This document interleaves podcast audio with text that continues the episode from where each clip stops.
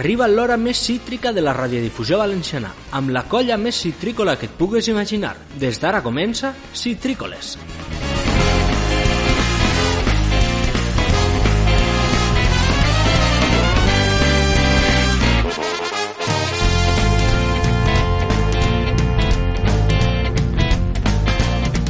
Hola, hola, hola, estimada audiència. Reconeixeu la nostra veu o les nostres veus? Espero que sí, perquè portem uns mesos sense passar-nos per estos micròfons. Però al llarg del programa anireu descobrint algunes raons. M'acompanyen, com sempre, Marcos Llorenç. Què tal, Marcos? Doncs bé, bé, amb moltes ganes de tornar després d'aquestes llarguíssimes vacances que hem tingut, però molt ben. I el nostre tècnic, a més de locutor, com no, Albert Miret. Què tal, Albert? Doncs amb... què te dic? Amb més ganes de vacances. Jo no sé per què m'heu fet tornar, però així estem. Benvinguts. Vols dir que no, no has tingut bastant... bastant? No, no. Les vacances mai són, mai són prou. no, seriosament, amb moltes ganes de tornar, és de veres. Ja tenia mono de micro. Jo quan anava al col·legi, i suposo que a vosaltres també us passava, sí n'hi havia un moment que tenia ganes que s'acabaren les vacances, eh? perquè es feien més llargues. Les laborals com duren un mes o, o ara te les pots fraccionar i te duren dos setmanes, tres setmanes. No n'hi ha tantes ganes de tornar. No, a mi em però- passava sobretot en les d'estiu. Sí, Sí, les sí, de- sí, Les sí. d'estiu. Les estius són Les de Nadal era una cosa curiosa. Jo hi havia dies de les vacances de Nadal, ara que estem ja ahí, que estava a lo millor en casa i dia, ostres, ja mm, estic cansada de... de... I després s'acabaven, ja venien els reixos i dius, ostres, ara he de tornar a treballar. Una contradicció, no? Eh, vol- Voler que s'acabaren, però al mateix temps donar-te pena que ja el Nadal s'acaba. Les que sembla que no volen tornar són les senyores, no? Què passa amb les senyores? Que no ens han... No Pues, no Marcos sé. ahí té, que este sempre Jo he té la, la informació. rumors de que han rebut una oferta molt suculenta. De fet, això em va dir un dia Carmen Sin a mi. No sé, Una oferta, dir- una oferta. Sí, sí, va dir... Hem rebut una oferta, bueno, no m'ho va dir aquestes paraules, però em va dir que havien rebut una oferta que no podien rebutjar.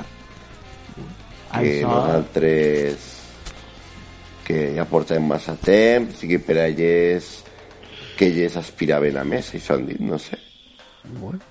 Espero que ens ho expliquen eh, en algun moment, perquè les senyores són part important. Però jo veritat crec que que sí, jo- l'últim programa no els agradaren algunes coses que diguérem i, i pot ser per ells, no sé, no sé. La pregunta és També quin, dic que mira que quin jo he mitjà de comunicació les haurà cridat. A veure si les trobava o alguna notícia d'elles i tal, i jo no he trobat No. res, eh? No sé si deu ser molt veritat el que ens han dit. No, no, però jo vull saber el mitjà de comunicació on, on han anat. Igual ens interessa fer-les una contraoferta. En Fitxi, Bueno. què tenim per avui? Perquè hem tornat, però no hem tornat de buit, eh? Tenim No, coses no, no, per no. oferir-vos. Sí, sí, ja anem a creuar, com se diu, creuar el, el charco, no? En, El toll. El toll, creuarem el toll. Sí, sí, Ah, sí? Que- com? sí, sí, pues, bueno,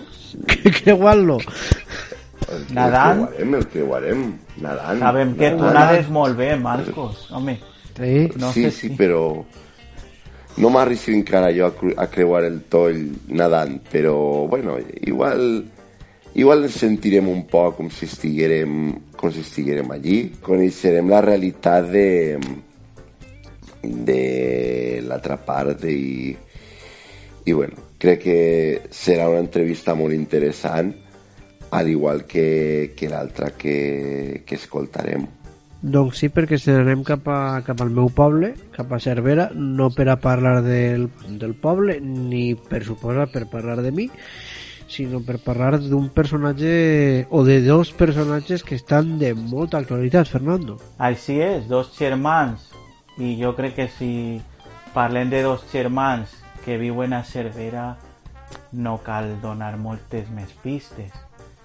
I Jaume Miret ens contarà un poc qui són estos germans, quin pot ser el secret d'estos germans, si és que hi ha algun secret a banda del treball i de, dels valors que els hagin inculcat. Interessant. I la discoteca entenc que bé, tot això repassarem els contactes, us recordarem les vies de, de com escoltar-nos, perquè la gent encara eh, ens para i ens diu, escolta, però si Trícoles això on està?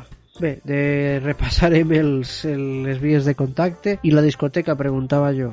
Doncs mireu, jo crec que eh, li he pegat moltes voltes però a principis de setembre el món musical va perdre una figura importantíssima. Per a mi, per mi, una de les tres millors veus que hi ha almenys al panorama espanyol. Es tracta de Camilo VI. Camilo VI va morir a principis de setembre i jo vaig a proposar una cançó que no és de les més conegudes i que té una part, diguem-ne, reivindicativa.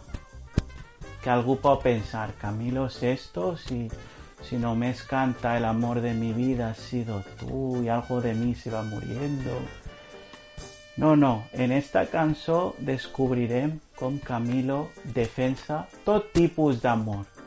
Amor entre amics, amor entre xics i xics, amor entre xics i xiques. La cançó es diu Amor Libre i per tant, encara que ha passat temps de la seva mort, doncs jo crec que val la pena escoltar-la. No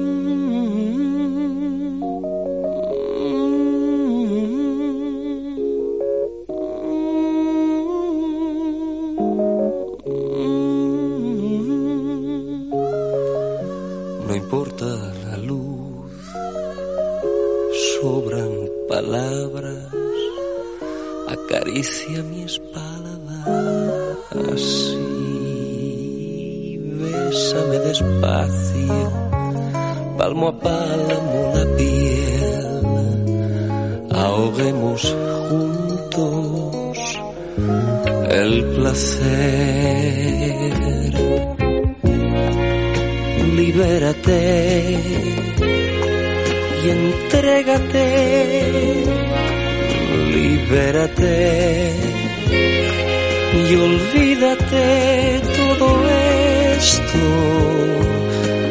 amor.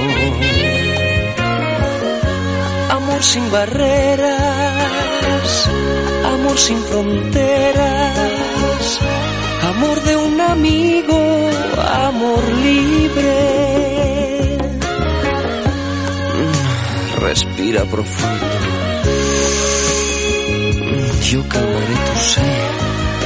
Olvídate del mundo, de tu timidez y bésame despacio, palmo a palmo la piel. Ahoguemos juntos el placer. Libérate y entrégate, libérate y olvídate, todo esto es amor. Amor sin promesas, amor sin tristezas, amor de un amigo, amor libre. Respira profundo. Mm,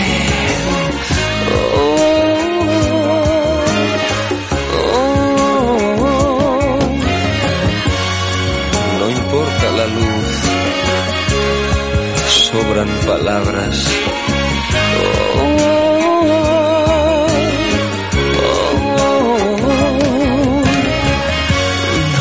bésame despacio.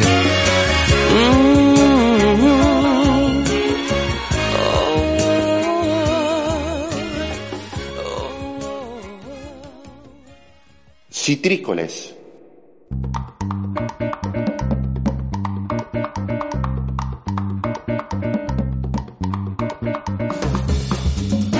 Doncs bé, Marcos ha tingut la sort de passar una setmana a Cancún al principi d'octubre en una trobada amb persones cegues d'Espanya de, i de Latinoamèrica. Bé, també Mm. n'hi havia algun... I d'Alemanya també, també. Sí, Sí, Mare de Déu. la trobada es diu Tiflo Encuentro, que organitza l'Associació Civil Tiflo Nexus de l'Argentina. I abans d'escoltar la nostra primera convidada, Marcos, conta'ns un poc que, què és això del Tiflo Encuentro i què vau fer, no sé. Doncs bé, com bé has comentat, Fernando, eh, sou organitza l'associació civil Tiflonexos, que, bueno, entre moltes altres coses que fan, no?, eh, sobretot en Argentina, però també en, tot, en tota Llatinoamèrica, i també hi ha molta gent d'ací d'Espanya que, que el seguís pues, bueno, diguem que la seva senya d'identitat, per dir-ho d'alguna forma, és d'un la biblioteca digital que, que, bueno, que fa el 20 de novembre passat va complir 20 anys, no? I, bueno, i entre moltes més coses que organitzen, pues, està un, un event que s'organitza cada dos anys, que, bueno, el fi és reunir a, bueno, a persones que són seguidors de, de la biblioteca, que, bueno, que no, seguidors i no tan seguidors, com és el meu cas, no? que sí que sí però no soc seguidor, i que les persones, pues, d'alguna forma es, es coneguen o es retroben aquelles que no, que ja es coneixen, no? I aquest any el Tiflo Encuentro té, té una periodicitat de bienal, si no m'enganye. Bueno, o sea, no m'enganye, però sé que és cada dos anys, però no tinc clar Sí, és bienal, o bianual. És bienal, molt bé. Doncs, bueno, aquest any era en, en Cancún i, bueno, en la, la, Riviera, la Riviera Maya. I, i bé, eh, la veritat que jo, com m'ha dit Fernando, he tingut l'oportunitat d'assistir. Ha sigut una experiència, la, la veritat, molt interessant. I, bueno, com imagine, bueno, com alguns podreu pensar, pues no és només, perquè molts pensareu, ah, Cancún, sí, lo, la pulsereta, discoteques, eh, pues no, no, evidentment, bueno, qui ha volgut fer festa n'ha fet, però, bueno, hem tingut la, la, la possibilitat de visitar eh, piràmides eh, maya, d'estar en Chichen Itza, d'estar també en, en Mujil, que és una, un poblat maya. La veritat que també una cosa que m'ha cridat molt l'atenció és sentir a les persones natives d'allí parlar, parlar en llenguatge maya, no? La veritat que no té res a veure en, en el castellà. I hem tingut l'oportunitat també de banyar-nos en, en cenotes, que són com una espècie de pous subterranis, de nadar amb, amb dofins, amb llops marins eh, i, i amb manatís. La veritat que hem pogut fer moltes, moltes coses, per supost, disfrutar de, de la platja, no?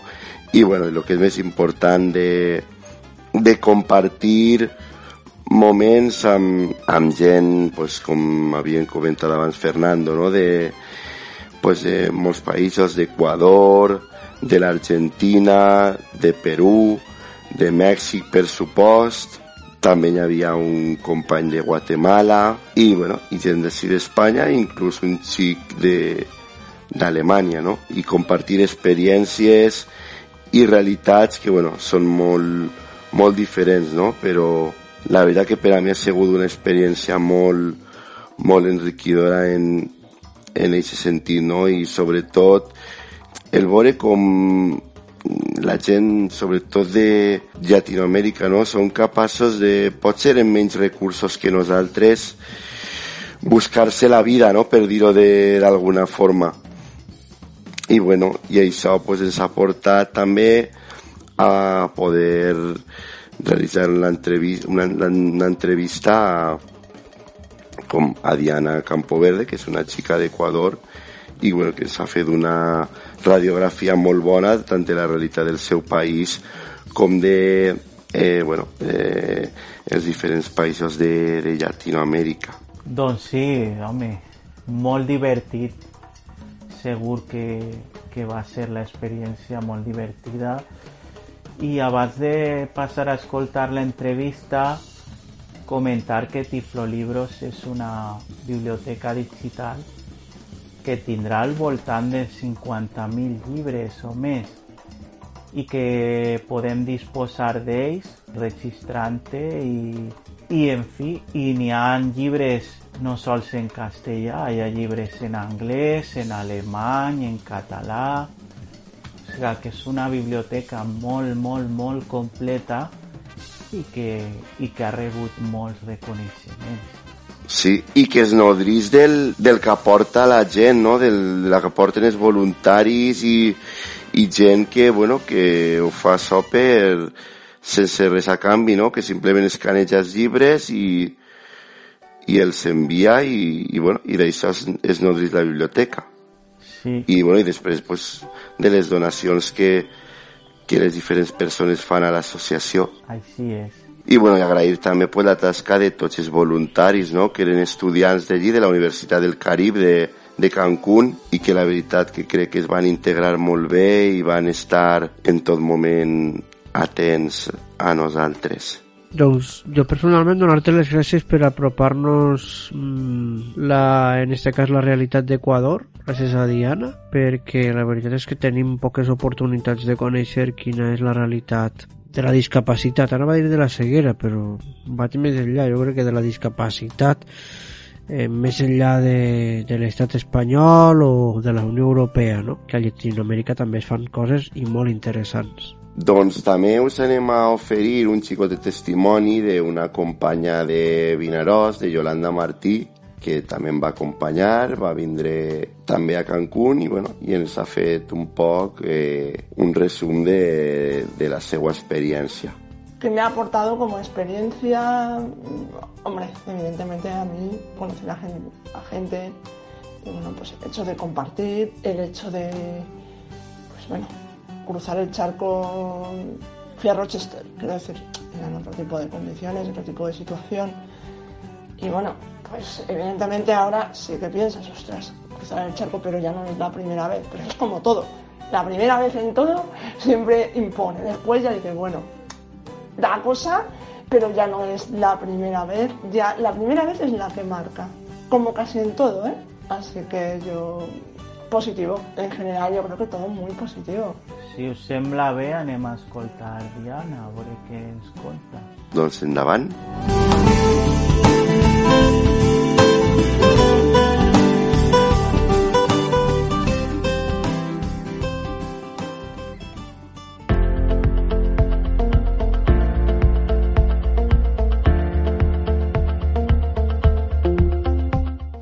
continuamos aquí en, en Citrícoles y hoy eh, vamos a tener una entrevista muy especial. Está con, con nosotros Diana Campoverde, que es, eh, estudió economía, pero el tema que, que nos la trae aquí es, bueno, que ella es vicepresidenta de la Asociación de No Videntes de la SUAY en Cuenca en Ecuador y nos va a hablar un poco de los proyectos que, que allí realiza y bueno, y si ella eh, lo cree conveniente, pues cómo ve la situación de las personas con discapacidad en su país y bueno, y en el resto de América Latina, bueno, y aquello que ella quiera añadir. Hola Diana, ¿qué tal?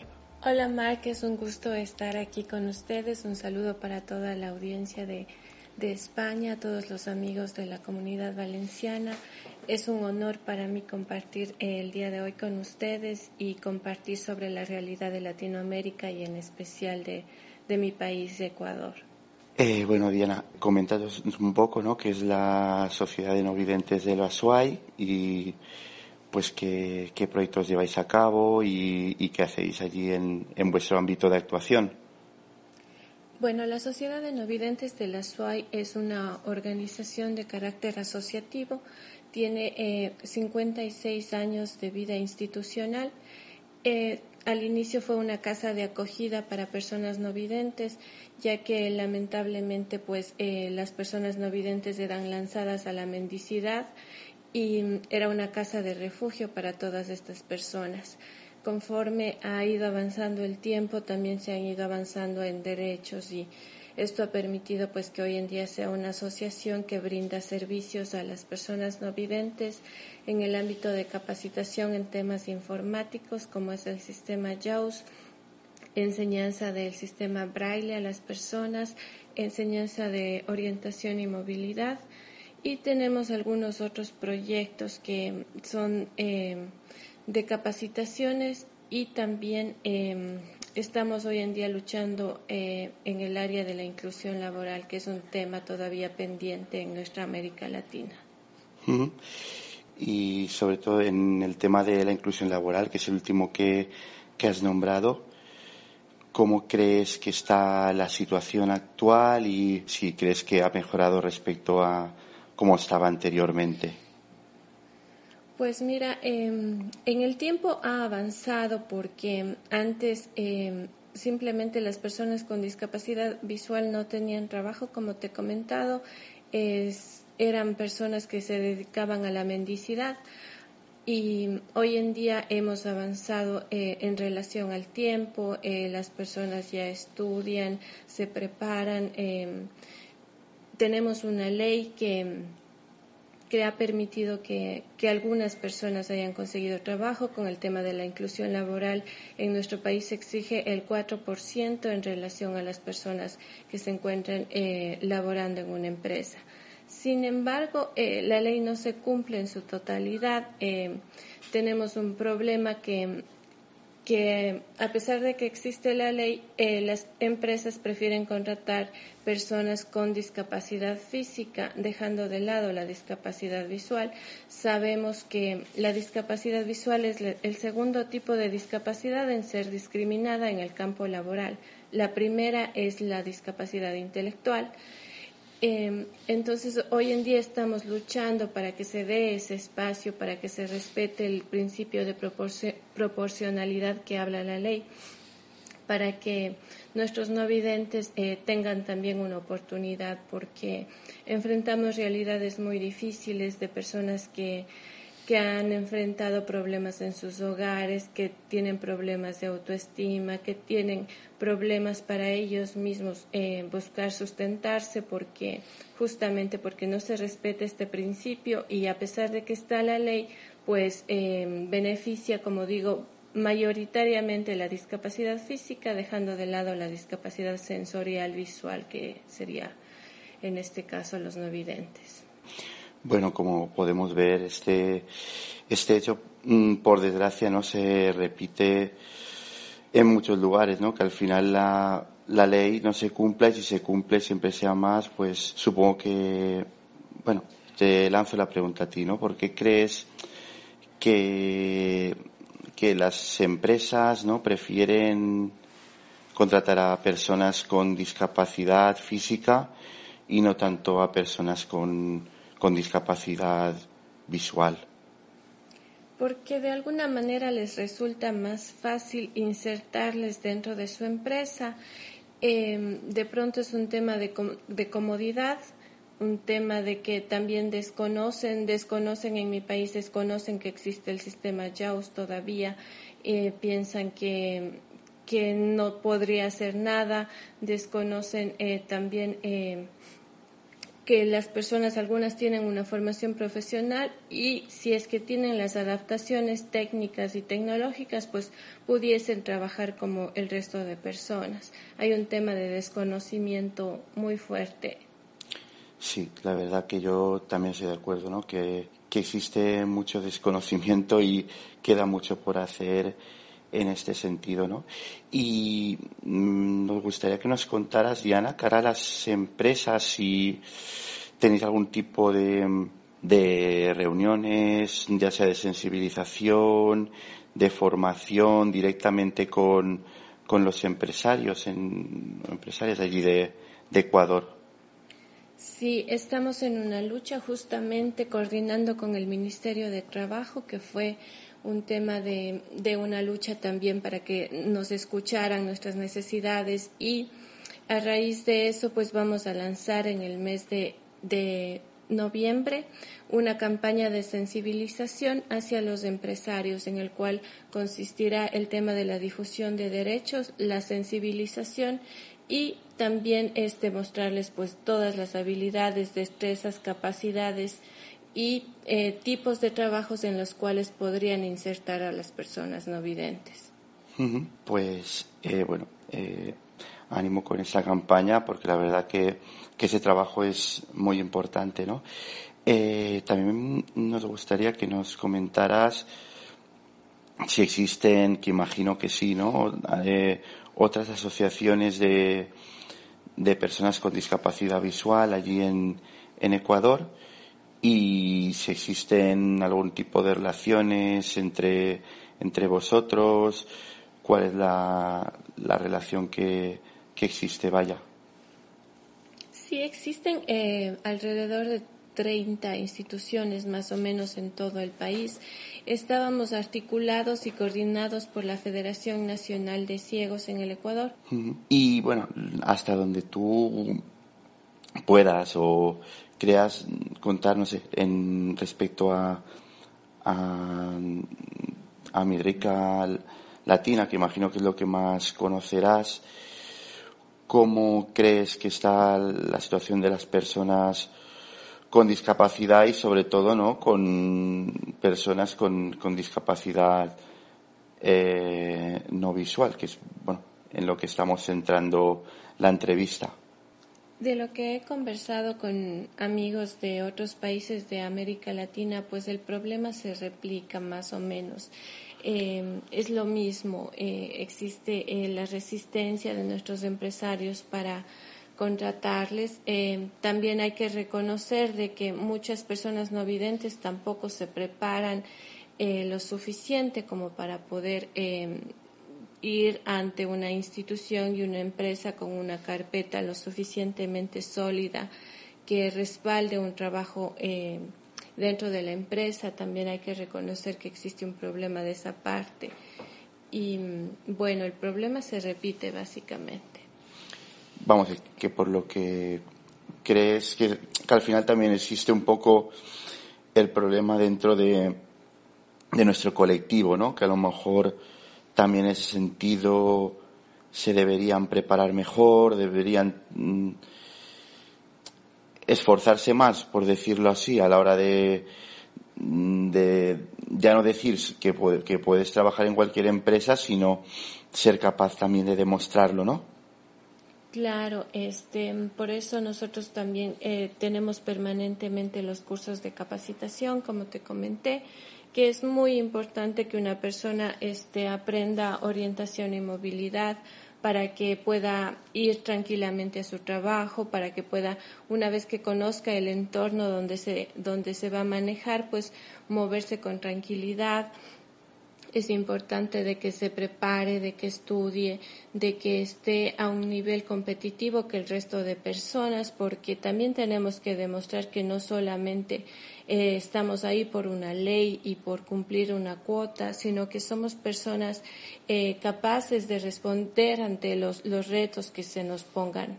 Pues ya que decías esto, ¿no? De la orientación y la movilidad, mm, ¿cómo ves eh, el tema de por supuesto, en, tu, en Ecuador y si quieres extenderlo al resto de América Latina también, eh, la accesibilidad, mm, pues en cuanto a, bueno, en general, y luego también pues en cuanto a barreras arquitectónicas y, y accesibilidad ahora de, pues en las páginas web. ¿Crees que, que los diferentes gobiernos ponen el empeño que deberían poner o que lo ponen pero no saben cómo, cómo hacerlo? ¿Cómo, cómo crees que, que está esta situación?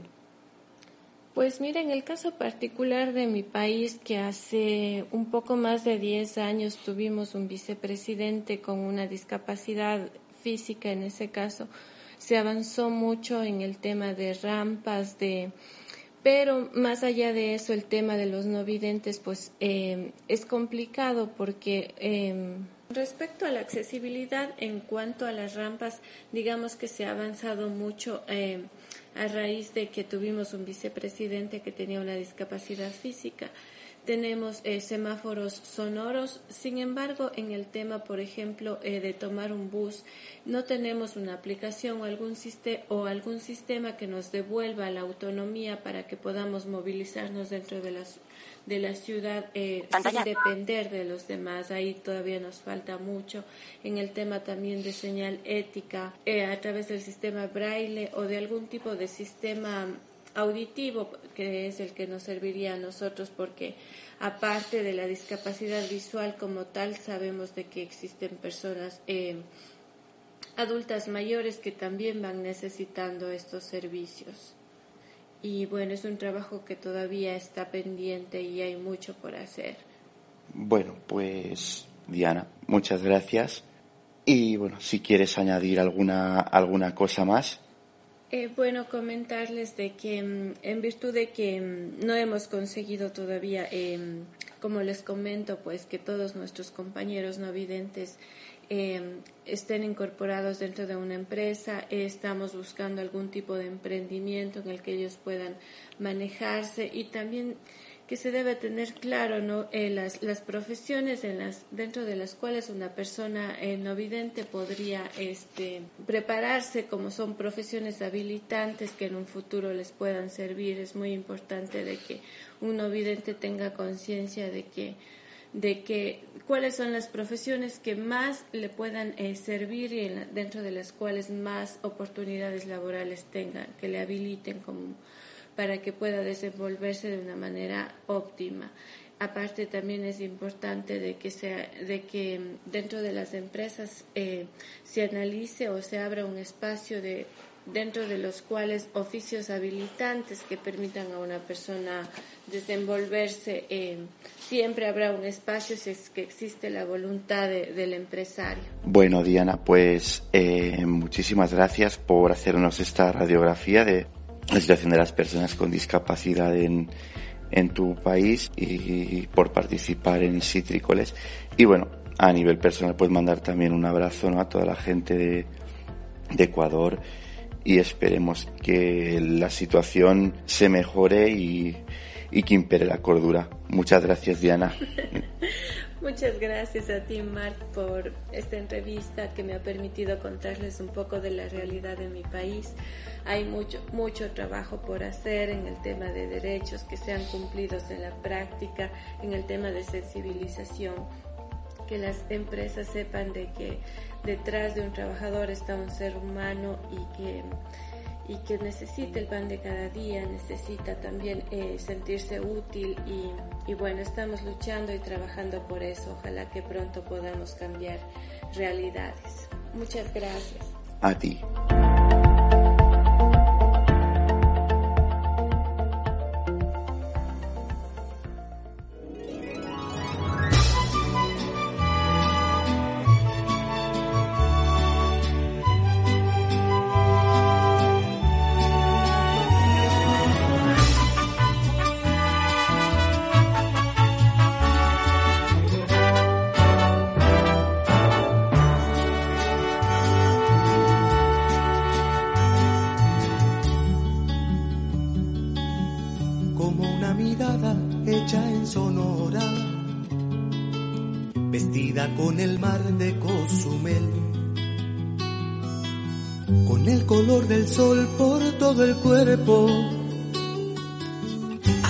Lleva México en la piel,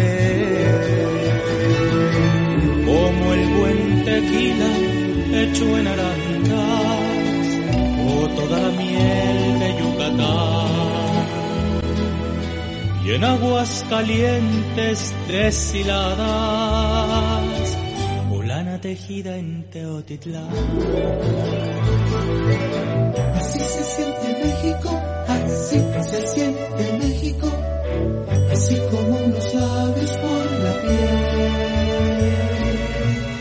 te envuelve México, así te sabe México, así se lleva México en la piel. como ver la sierra de Chihuahua o la artesanía en San Miguel, como ver de arriba la quebrada, se lleva México en la piel. Como hablar tarasco zapoteco, o decir vas hacia Chichinsunzan, Matanchen, Janichu y Lambitieco, Escaret, Tlapaste, Nostitlán.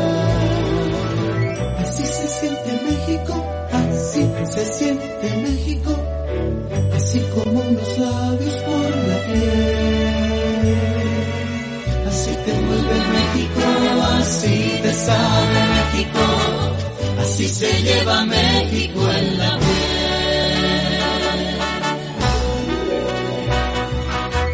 como un buen zarape de saltillo. Como bienvenida en Veracruz. Con la emoción de un beso frente a frente. Así se lleva México en la piel. Descubrir el chocolate. O acompañar el humo con café. Comer nopal, frijoles y aguacate. Y que lo sepa ser una mujer. Así se siente México, así se siente México, así como unos labios por la piel. Así te envuelve México, así te sabe México, así se lleva México en la piel. Así se lleva México en la piel.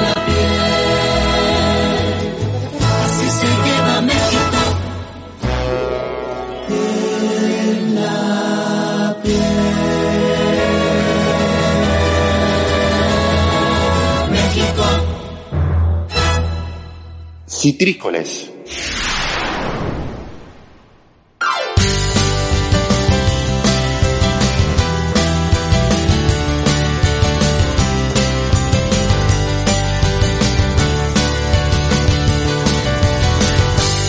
I abans d'anar-nos en cap a Cervera, eh, Marcos, ens volies parlar de, de la cançó que acabem d'escoltar, no? Doncs sí, mm, s'ha paregut molt interessant posar aquesta cançó, la veritat, jo... Bueno, cal dir que jo des de que he estat en Mèxic m'he quedat amb moltes ganes de tornar, de conèixer també un poc la realitat més, no sé dir més dura, no? O, o a lo millor no veure tant el que és tan turístic, no? Per dir-ho així. Més el carrer. més El, el carrer, sí, exactament. I no sé, aquesta cançó em va parecer molt curiosa perquè tots coneixem la versió que fa Luis Miguel de México en la piel, però esta versió és la versió ori original, no? I, i el fet de veure com es canten diferents, les diferents llengües, maya i tal, pues no sé, li dona un toc diferent a la cançó i crec que és important apropar als nostres oients aquest tema.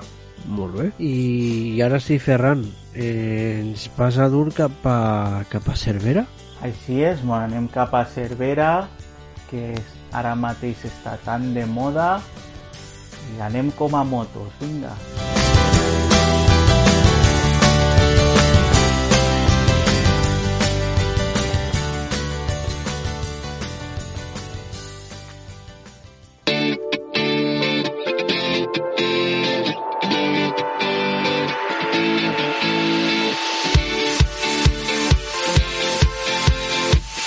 Bé, doncs, eh, com hem comentat al principi, avui anem a parlar d'uns germans que han tornat a triomfar per partida doble.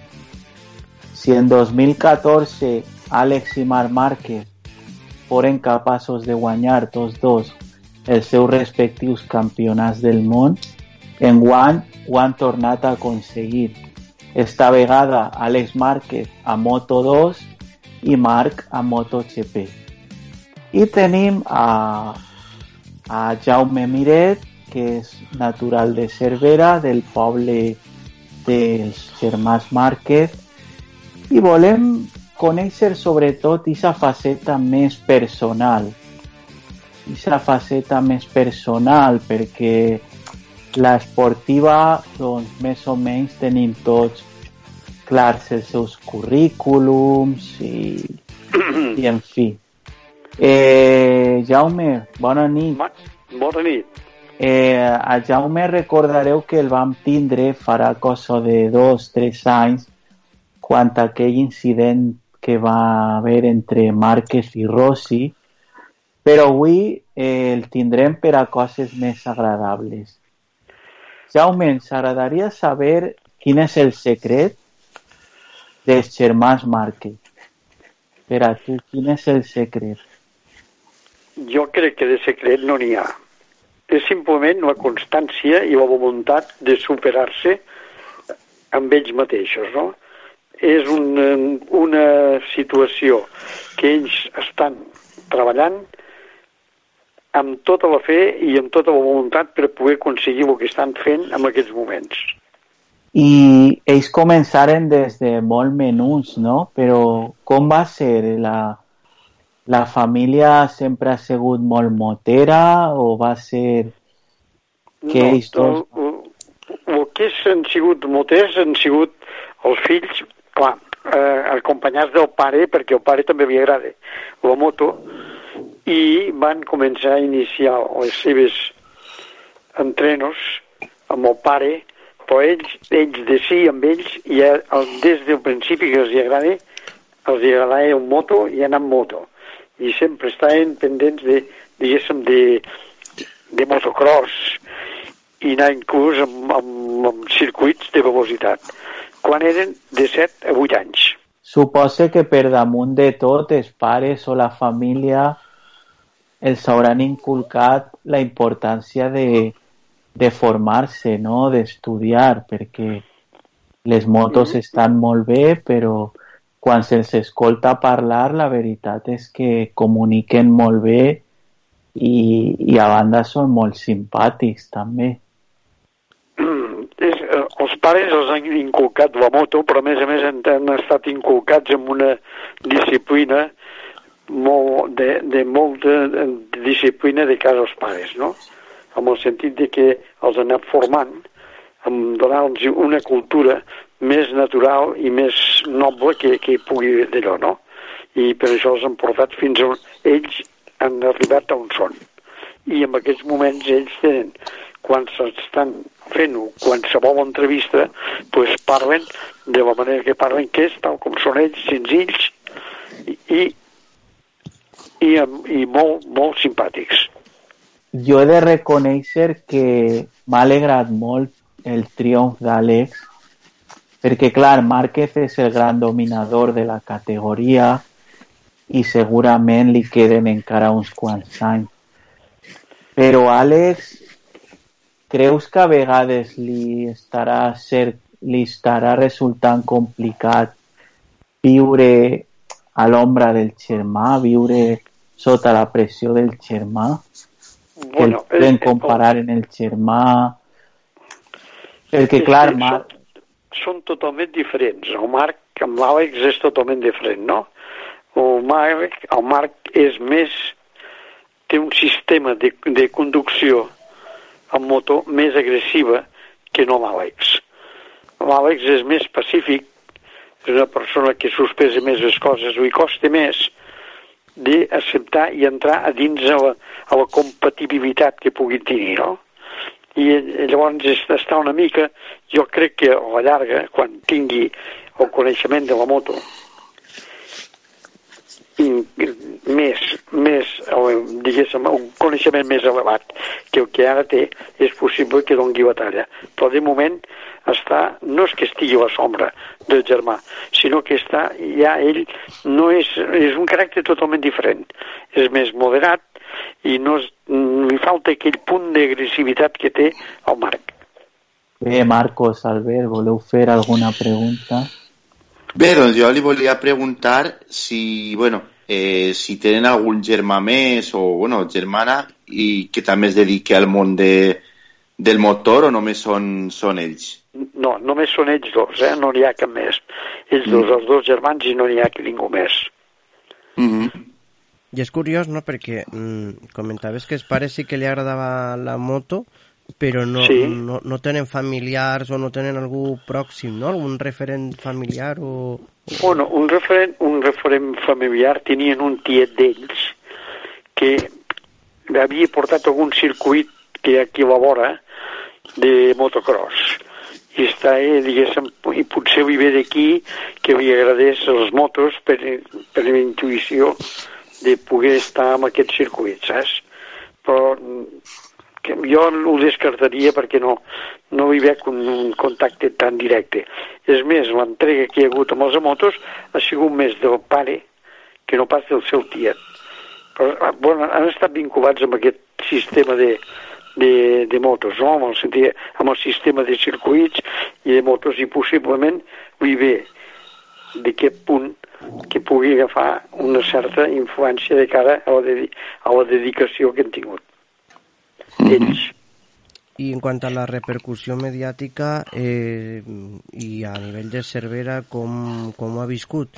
Com ha viscut el poble el fet de tindre dos campions i, i si creu no, que... ha sigut, Sí. ha sigut una gran satisfacció poder tindre tots dos perquè són molt amables, són molt simpàtics i tenen una, molt, són molt senzills vull dir que tenen un comportament dins el poble que tothom se'ls aprecia la vista és de que quan venen i fan la celebració de, quan, de qualsevol campionat i qualsevol pues sempre, sempre, sempre hi ha un màxim de, de gent molta gent i degut a que són tan senzills i tan amables, tant ells com la seva, tota la família. Mhm. I la tradició motera, que hi ha, hi ha molta tradició motera i en Cervera o... No, o no, no, no, no, no és molt, mm, no molta tradició motera no hi és, eh? Ara, per exemple, en aquests moments, doncs, com que ells veuen, la gent, els èxits que han tingut els dos germans aquests, doncs potser s'hi dediquen més als jovens que pugen ara. Però, diguéssim, no n'hi ha molta de... No hi ha molta afició, eh? Només acabar la, la última carrera del, de l'últim Gran Premi al circuit Ricardo Tormo, on va fer oficial que Àlex era el company de Marc. Sí. Com veus tu aquesta convivència? Creus que ja ens has comentat que a Àlex segurament li adaptar-se a la moto per la forma de conducció, però Sí, bueno, és, és, és la, la moto és, és totalment diferent de, de, de Moto2 a MotoGP. Hi ha una diferència molt elevada, no? molt gran, i llavors adaptar-se amb la moto aquesta li costa una mica. La prova és de que aquests dos dies o tres que han fet, diguéssim, s'han estat entrenant aquí al circuit aquest de Ricardo Tormo, pues el, Mar, el Marc ha anat bé i l'Àlex pues, li ha costat una mica i a més a més mmm, caigut ha tingut. La qual cosa és que precisament l'últim ensaig que hi va haver, que va ser ahir, va estar molt, molt apoyat pel seu germà. I a poc a poc jo crec que es anirà habituant i adaptant a la moto aquesta. I Marc, bueno, Marc té tota la pinta de pulveritzar tots els rècords, no? O sigui, 27 anys, és un gran eh, sí, però vull dir, vull dir, ell sí que té... Però ell no és un... no porta un ambiciós. No és ambiciós en el sentit de fer les coses perquè hi ha hagut d'altres per pulveritzar els rècords i això. Ell no. Ell va, disfruta anant en moto i llavors li surt això sol. Simplement d'ell mateix, no? Vull dir, sense aquell ambició que pugui tenir. I aprofitant Doncs, que ha estat la darrera sí. cursa i no, no podem deixar d'escapar la, la notícia de la, de la setmana passada. Eh, Jorge Lorenzo es retira de, de, la, de la MotoGP. Mm, com ho veu? Quina és la, se- quines són, qui- quina és la seva impressió?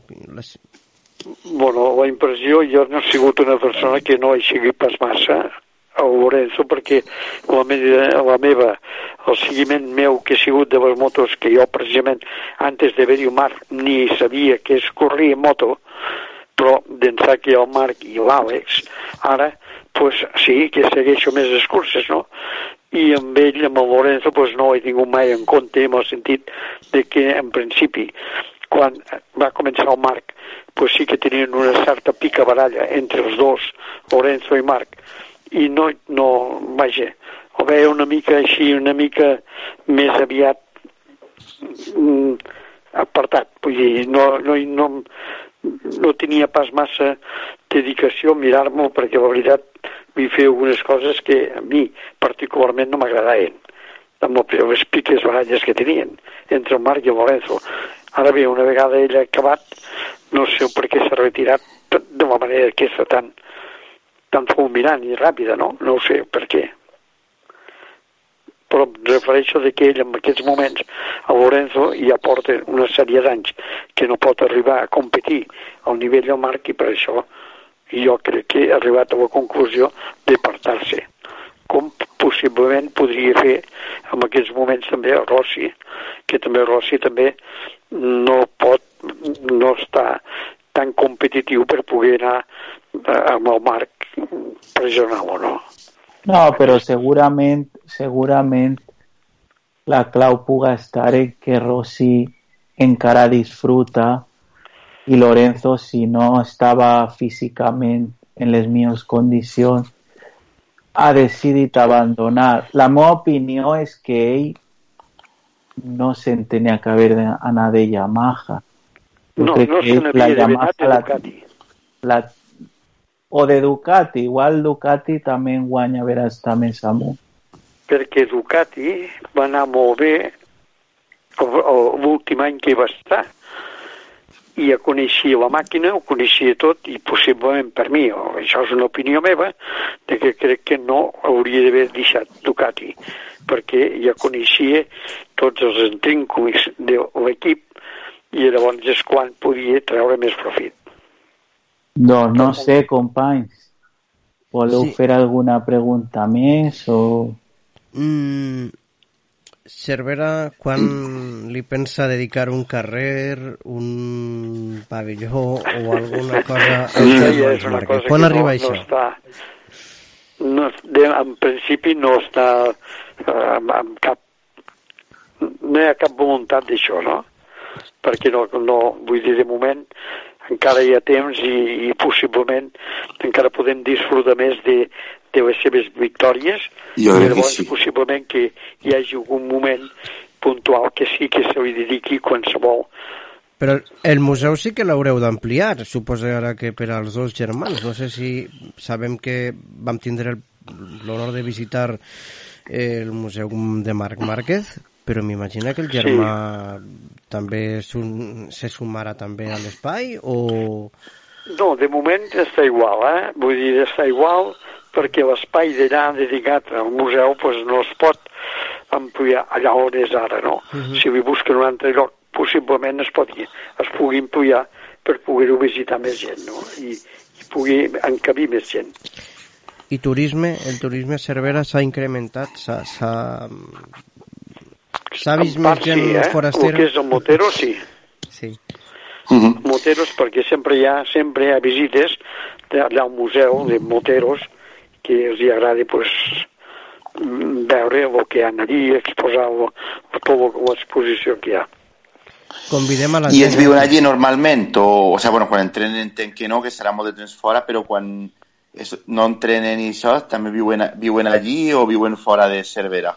No, viuen aquí a Cervera, quan sempre poden, viuen aquí a Cervera, però si, si és, normalment fan una vida normal com quan se vol d'aquí, eh? D'aquí a Mhm. Cervera. Va, van pel carrer, troben els seus amics, i bé, una vida normal, corrent, com una persona d'aquí al poble, no? No hi ha cap diferència amb ells. Doncs, si us sembla bé, acomiadem el, el nostre convidat donant-li les gràcies per haver-nos atès i, en fi, a veure si tornem a parlar una altra ocasió d'estos dos germans que són un exemple no, no només com a esportistes, sinó també com a, com a persones. A, Jaume pues, que ens hagi fet esta radiografia, no? que ens hagi parlat d'estos dos personatges de, de Cervera. una mica, el poc que, el poc que us he pogut ajudar, eh? Vull dir que, jo crec que hi ha persones que són, estan més influenciades, però eh, dins del món aquest, però jo pràcticament només tinc la visió dels germans aquests, Marques, que és el que m'ha portat a mi a tindre una mica d'afició a dins dels motos. Si, si algún día somos un poco más famosos, intentarem accedir a ells. A veure Sí, sí. Jo, jo crec que, bueno, hi ha, hi ha un son perquè el Marc, vull dir, no, no és una cosa que, que es, es faci, són sis, són, són vuit campionats del món que això costa, no ho pot, no ho pot uh, assumir qualsevol, perquè costa No. arribar, arribar aquí. Eh? És una barbaritat.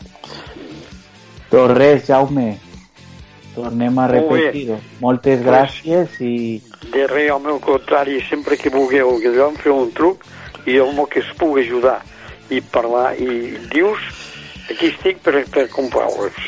molt bé. Doncs moltes, Moltes gràcies. gràcies. Citrícoles. Citrícoles.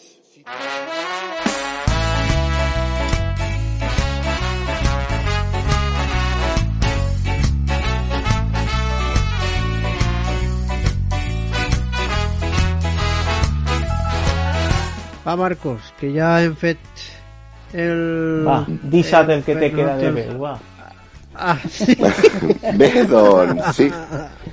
Bueno, demanar Dalo disculpes todo, per la veu, todo. la veritat que no sé, si has haurà sigut cosa de les senyores o jo m'espero qualsevol cosa.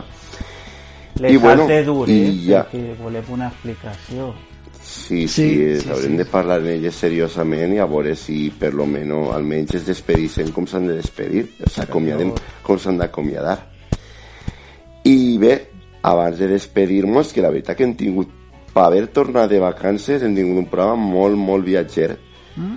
Doncs anem a recordar les vies de contacte per si, bueno, voleu felicitar o dir algo que no us agrada, pues també ens ho podeu dir. Si us agrada explayar-vos, ficar un assumpte, un cos i tot això, tenim eh, la direcció de correu electrònic que ens recorda Noemí Tolosa. Escriu-nos citrícolesfm.gmail.com Si sou més moderns, si us va el dir les coses d'una manera concisa i breu, el Twitter, que ens ho recorda? Lorena Mancilla? Troba'ns al Twitter, arroba citrícoles FM. Si en canvi el que preferiu és donar m'agrada i ser amics nostres i de més, tenim el Facebook que Sergio Gal també ens recordo. Pots trobar-nos al Facebook en arroba citrícolesfm. I recordeu, de veritat, recordeu que els nostres podcasts, este i tots els podcasts del programa els podeu trobar a citrícoles.ivox en dos os i acabat amb vix.com. A iTunes també ens trobareu. Doncs res, ens acomiadarem en l'anterior programa desitjant-vos un bon estiu i ara ens acomiadem desitjant-vos bon Nadal i bona entrada d'any 2020. Des d'ací... I bueno, tot i, Ah. tot i això tornarem abans de Pasqua, eh? No, no, no, no anem a fer programes trimestrals. Ha sigut una, una qüestió puntual. Bueno, Doncs esperem això, almenys. Marco ho acaba de dir i això és una hemeroteca, eh? Si pel Sí, que sí. siga fins Pasqua no tornem, ja saps el que pot passar així, Marco. Però no, no, intentarem... La nostra credibilitat quedaria per terra. La de Marco, la de Marco. No. Sí, sí. Eh, intentarem tornar en gener o febrer així a... Citrícoles!